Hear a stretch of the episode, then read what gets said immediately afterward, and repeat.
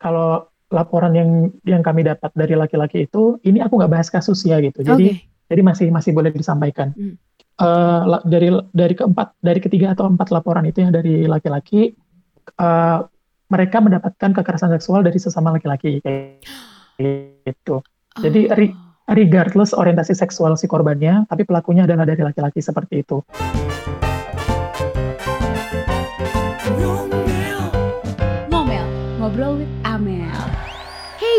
What up? Welcome back to my channel. And if you listening on my Spotify, welcome to my Spotify page. Seperti biasa, karena kita masih dalam rangka di rumah aja, jadi gue juga akan bikin podcast di rumah aja. Tapi kali ini topiknya tuh sangat menarik dan kind of sensitive sih menurut gue lagi karena em, ini topiknya jujur agak susah. Makanya kali ini narasumber kita nggak sembarangan orang. Ini senior gue juga di Eva. Langsung aja kita undang. Hai Bang Teddy. Halo, Halo Bang, apa kabar? baik baik baik. Oke, eh, gini guys. Jadi Bang Teddy ini eh, dari Amel sih taunya dari Hope Helps UI. Bener kan Bang? Betul betul. Nah, boleh cerita dikit nggak sih Bang Hope Helps UI itu apa dan berdiri dari sejak kapan? Oke, eh, jadi Helps UI ini adalah sebuah pengadaan layanan untuk kekerasan seksual di kampus, Hmm. yang mana nanti eh, misalnya teman kita atau kita yang jadi korban kekerasan seksual, eh, kita mer- kita atau teman kita bisa ngelapor ke UI gitu, karena di UI sendiri masih belum ada crisis center yang fungsinya untuk eh, menampung kekerasan laporan-laporan tentang kekerasan seksual. Em, kekerasan seksual ini adalah suatu tindakan yang eh, berbeda dengan tindak pidana yang lain, misalnya kita ngomongin hukum gitu, karena Uh, jadi karena berbeda kita harus ada treatment yang khusus gitu nggak bisa dicampur karena ada prinsip-prinsip dalam penanganan kekerasan seksual seperti itu yang harus dipatuhi. Lalu uh, sejarahnya kalau misalnya kita ngelihat ke belakang sedikit tahun 2013 hing- atau tahun 2014 itu ada kekerasan seksual yang mana bentuknya adalah perkosaan yang dilakukan oleh dosen dari uh, Fakultas Ilmu Pengetahuan Budaya yang mana dia adalah seorang sastrawan uh, yang memperkosa uh, mahasiswinya seperti itu.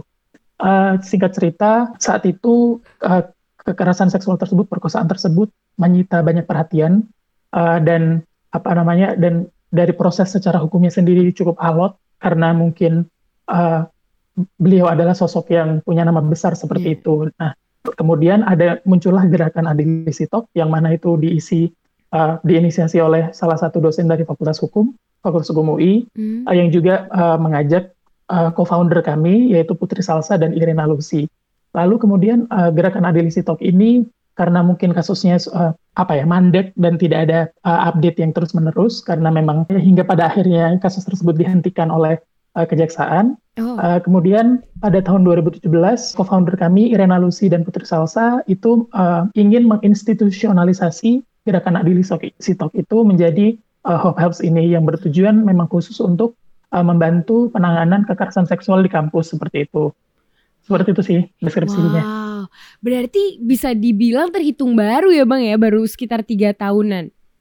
Iya, Hope betul. Helps UI. Jadi kemarin Amel tuh lagi scroll di timeline, terus juga eh, anak FAUI kan juga ada dong bang yang ikut di BEM UI gitu kan. Terus mereka ngirim eh, ini dia, bentar, Amel mau lihat dulu. Hope Helps UI dari bulan oh dari Februari 2019 sampai April 30 eh, 2020 itu dapat 30 kasus kurang lebih. Terus eh, ada lima di antaranya terus mereka bikin kayak eh, kajian dikit gitu bang.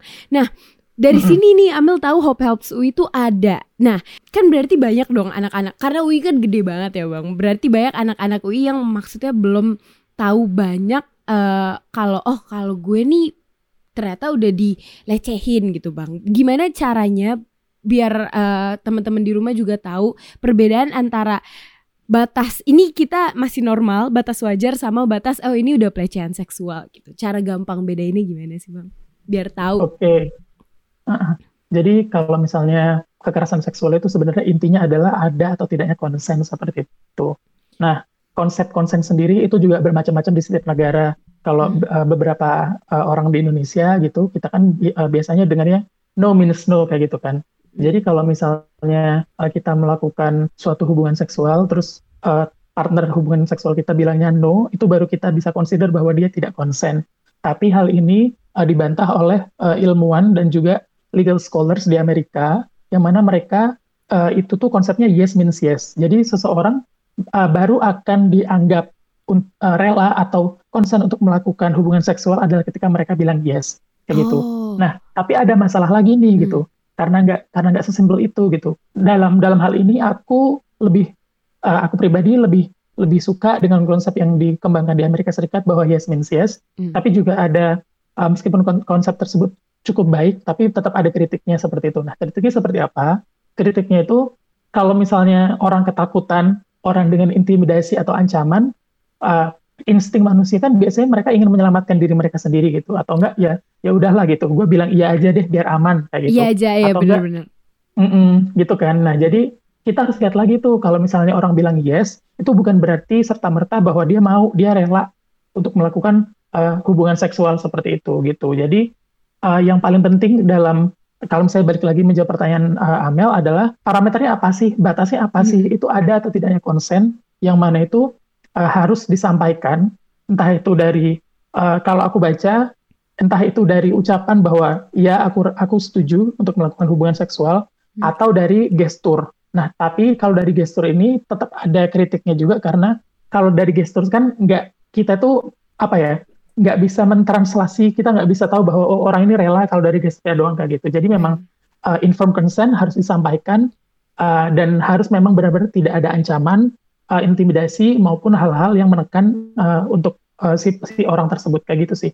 Bener, ya maksudnya kalau di, bisa dibilang pelecehan untuk bilang no means no adalah jeleknya kayak gak semua orang berani speak up untuk bilang kayak gue nggak mau gitu kan bang. Tapi kalau yes Minsias tuh juga jeleknya adalah kayak ya kadang eh lo mau nggak kalau kita di dalam di bawah tekanan kan biasanya kayak eh iya iya iya gitu biar merasa aman gitu jadi sebenarnya agak sulit cuman ya kalau misalnya emang mau pasti tahu gitu ya bang ya mm -mm. yang yang kuncinya adalah uh, orang yang akan diajak hubungan seksual ini harus bilang bahwa ya aku rela hmm. atau aku mau untuk untuk berhubungan seksual dan harus dipahami bahwa uh, tidak boleh mengasumsikan bahwa di situ nggak ada ancaman atau uh, apa namanya intimidasi kayak gitu. Jadi memang harus benar-benar make sure bahwa uh, kamu merasa terancam nggak kalau misalnya aku tanya begini, apakah kamu juga mau untuk berhubungan seksual?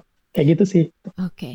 um, pelecehan seksual tuh selalu intercourse atau kayak touching itu juga bisa uh, count as pelecehan seksual sih bang? Oke, okay, nah uh, beberapa apa ya kalau kalau misalnya aktivis-aktivis uh, perempuan di Indonesia itu biasanya kita itu refernya ke Komnas Perempuan gitu. Oh. Komnas Perempuan pernah pernah apa namanya uh, mengkategorisasikan bentuk kekerasan seksual yang mana itu ada 15 gitu. Nah, jadi kalau bisa pakai analogi itu kekerasan seksual itu kayak uh, lingkaran yang besar gitu. Hmm. Kekerasan seksual itu lingkaran yang besarnya dan 15 bentuknya itu titik-titik uh, kecil yang ada di dalamnya. Yeah. Jadi iya kalau kita ngomongin kekerasan seksual itu in general, terus uh, bentuk-bentuknya itu ada macam-macam. Kalau yang tadi uh, Amel bilang, kalau misalnya ada orang yang taci-taci uh, dan si orang yang dipegang itu nggak nyaman, itu bisa disebut sebagai kekerasan seksual. Hmm. Spesifiknya apa? Itu uh, pelecehan seksual dalam bentuk fisik kayak gitu.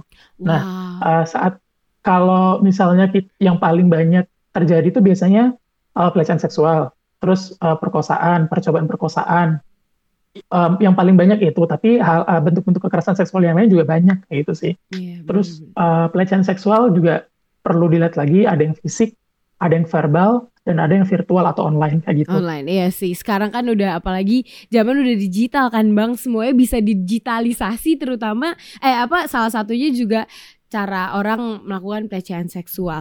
Nah, faktor dari adanya pelecehan seksual tuh apa sih bang? Maksudnya kayak ini kan bisa jadi perdebatan yang mungkin sampai sekarang juga nggak selesai-selesai gitu. Ada orang yang bilang kayak, oh ya faktor baju dari korban gitu. Tapi ada juga yang bilang, ya itu karena otak pelaku gitu kan.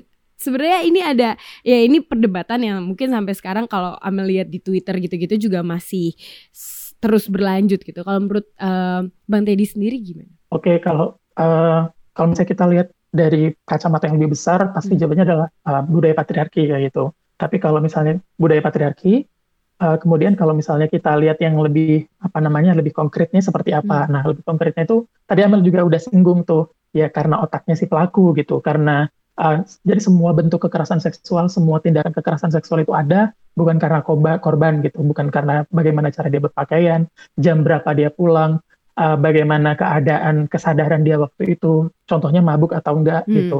Uh, terus apakah uh, meskipun uh, sese- uh, meskipun mereka adalah seorang pasangan, pasangan misalnya pacaran atau uh, suami istri, bukan berarti uh, dengan hubungan tersebut bisa bisa melegitimasi tindakan kekerasan seksual yang mereka lakukan. Selain itu, yang paling apa ya, ada dua hal yang kalau misalnya kita bisa lihat lagi adalah itu dari budaya masyarakatnya sendiri gitu.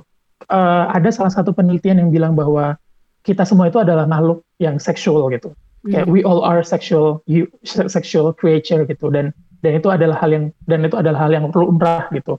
Tapi yang paling penting adalah do we know that our actions itu bisa jadi adalah sebuah kekerasan gitu, kekerasan seksual in this uh, di, di di atmosfer ini gitu.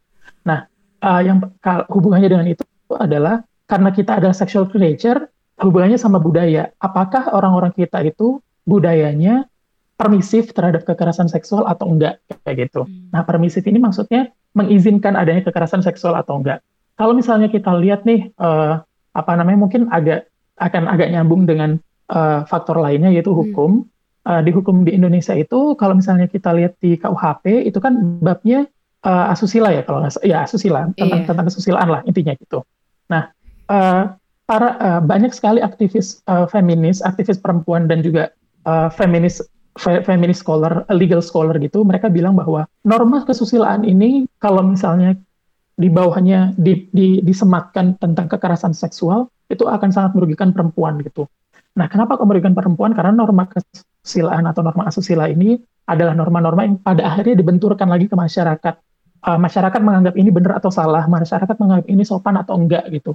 Jadi kalau misalnya seorang perempuan pulang malam, terus kebetulan uh, dia pakai uh, pakaian yang ketat dan mini, terus uh, dia mendapatkan kekerasan seksual karena adanya norma kesusilaan atau asusila, menurut masyarakat setempat atau masyarakat suatu negara, ya itu nggak apa-apa gitu karena kesusilaannya si perempuan ini nggak memenuhi karena dia pakai yeah. pakaian tersebut dan pulang malam yeah. kayak gitu sih jadi kalau misalnya bisa aku rangkum uh, yang paling besar adalah budaya patriarkinya. Terus uh, kedua tadi Amel juga udah nyinggung tentang otaknya si pelaku. Terus ketiga budaya masyarakat. Terus ketiga yang terakhir adalah hukumnya yang belum cukup mengakomodasi gitu. Benar-benar. Nah uh, mungkin ini juga kan dari tadi uh, abang bilang uh, mostly korban dari pelecehan seksual adalah perempuan gitu. Tapi bisa nggak sih bang korban dari pelecehan seksual tuh laki-laki? Atau um, ya mungkin jarang sih terdengar tapi kan pasti juga sekarang tuh cowok juga ya maksudnya dari dulu cowok juga punya feelings kan dan pasti mereka juga uh, adalah rasa nggak enaknya kalau misalnya perempuannya nyuruh-nyuruh atau kayak megang-megang gitu-gitu bang bisa nggak sih sebenarnya pelecehan seksual dilakukan oleh perempuan ke terhadap laki-laki Uh, pertanyaannya bisa gitu. Okay. Uh, eh, uh, eh, aku sendiri nggak tahu berapa banyak datanya, hmm. tapi memang uh, kalau misalnya pelakunya perempuan terhadap laki-laki pasti ada gitu. Dan tapi I, I cannot name uh, how many how many is the number gitu. Okay. Uh, yang paling kita gak bisa lihat paling gampang deh gitu. Hmm. Misalnya uh, Pangeran Brunei Darussalam, yang mana foto-fotonya itu di komen-komen Nah, iya itu ya, iya, paling baru ya Bang ya di TikTok, mm -mm. di Instagram, Prince Betul. Martin guys kalau kalian tahu. Iya iya iya iya benar. Jadi itu kan banyak tuh yang komen-komen uh, rata-rata perempuan, terus mereka uh, melontarkanlah komen-komen yang uh, yang atmosfernya seksual kayak gitu. Jadi hmm. uh, itu juga pelecehan seksual secara verbal gitu. Dan kita kan nggak tahu si orang yang menerima komen tersebut nyaman atau enggak kayak gitu. Jadi karena kita nggak tahu mereka dia nyaman atau enggak, safe to say jangan lakukan itu kayak gitu sih. Benar, iya sih Terus, benar banget ya. Sebenarnya, hmm. tapi kalau di uh, Hope Helps UI mostly memang korbannya dari perempuan. Uh, maksudnya korbannya perempuan gitu, bang? Dari uh, aku belum. Uh, tadi kan aku sempat bilang aku masih masih belum direkap lagi dari uh, postingan BEM itu tadi uh, itu kan ada 30, aku lupa 30 berapa ya? Yang Tiga, itu sekitar itu. Ya, 31 uh, sekitar 31 sampai 37-an kayaknya, Bang. Mm. Tadi nah, uh, yang yang ada di post BEM itu uh, ada perkembangan lagi yang mungkin sekarang jadi 35 sampai 37 hmm. karena uh, dari dari keseluruhan laporan itu uh, kalau nggak salah itu ada tiga laporan dari laki-laki. Oh. Uh, tiga atau empat laporan dari laki-laki kayak gitu. Nah, Uh, tapi cukup menarik di sini gitu. Kalau laporan yang yang kami dapat dari laki-laki itu, ini aku nggak bahas kasus ya gitu. Jadi okay. jadi masih masih boleh disampaikan. Hmm. Uh, dari dari keempat dari ketiga atau empat laporan itu yang dari laki-laki, uh, mereka mendapatkan kekerasan seksual dari sesama laki-laki kayak gitu. Jadi oh. regardless orientasi seksual si korbannya, tapi pelakunya adalah dari laki-laki seperti itu. Nah, uh, kebanyakan kalau misalnya kita konteksnya kekerasan seksual dalam kampus, uh, um, apa namanya seperti itu uh, faktanya gitu.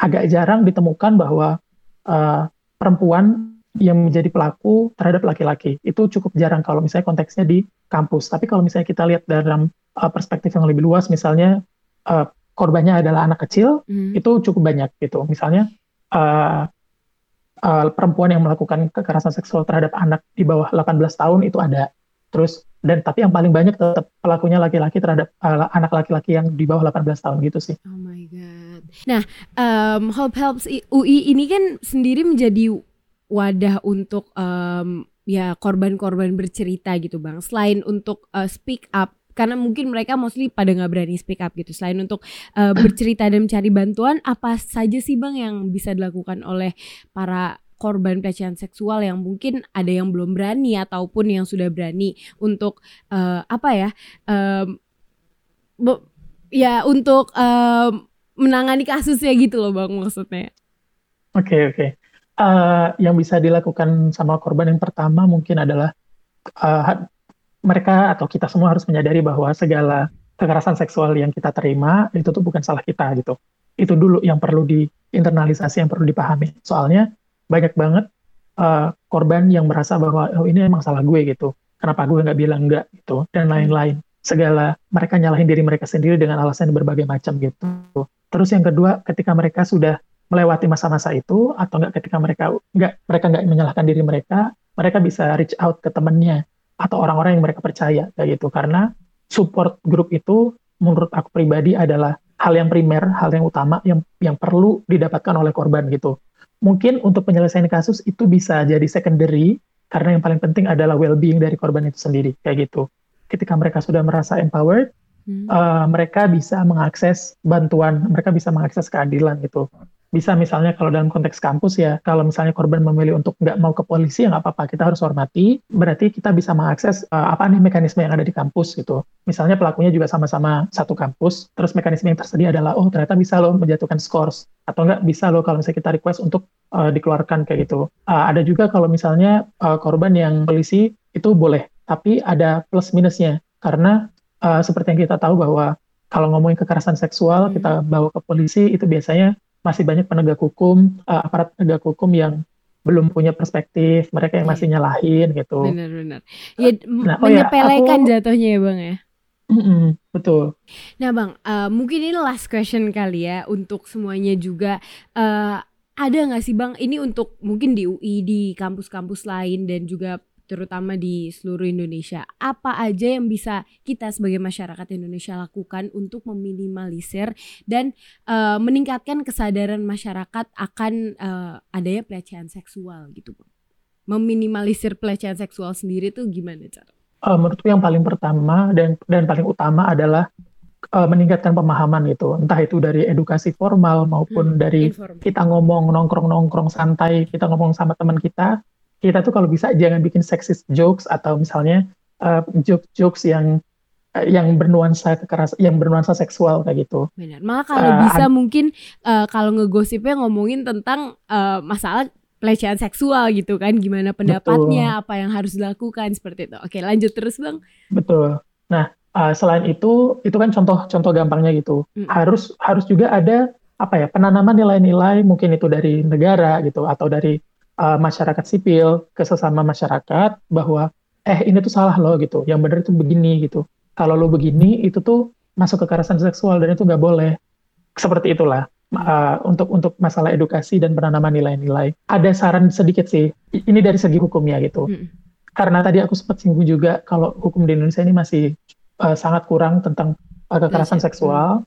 Uh, dan ada juga kalau misalnya kita ngomongin tentang analisis ekonomi terhadap hukum, cost dan benefit itu cost untuk biaya untuk melakukan kekerasan seksual di Indonesia itu sangat rendah daripada manfaatnya. Jadi orang-orang itu lebih ngerasa insentif untuk melakukan kekerasan seksual itu lebih tinggi. Jadi ya udahlah gue melakukan kekerasan seksual aja, benefitnya lebih gede, biayanya lebih kecil, dan uh, mereka bisa get away with it gitu. Karena hmm. hukumnya hukumnya itu nggak ngatur bahwa biaya costnya lebih besar daripada benefit kayak gitu. Jadi uh, menurutku uh, kita harus apa negara dalam hal ini uh, legis legislator DPR hmm. mereka harus segera mengesahkan RUU penghapusan kekerasan seksual karena di situ lengkap banget dan uh, dari Komnas Perempuan juga sudah uh, mer, apa namanya merumuskan atau mereka bikin ringkasan gitulah tentang keutamaan-keutamaan dari uh, RUU PKS ini sendiri gitu. Oh, gitu sih. Wow, oke. Okay.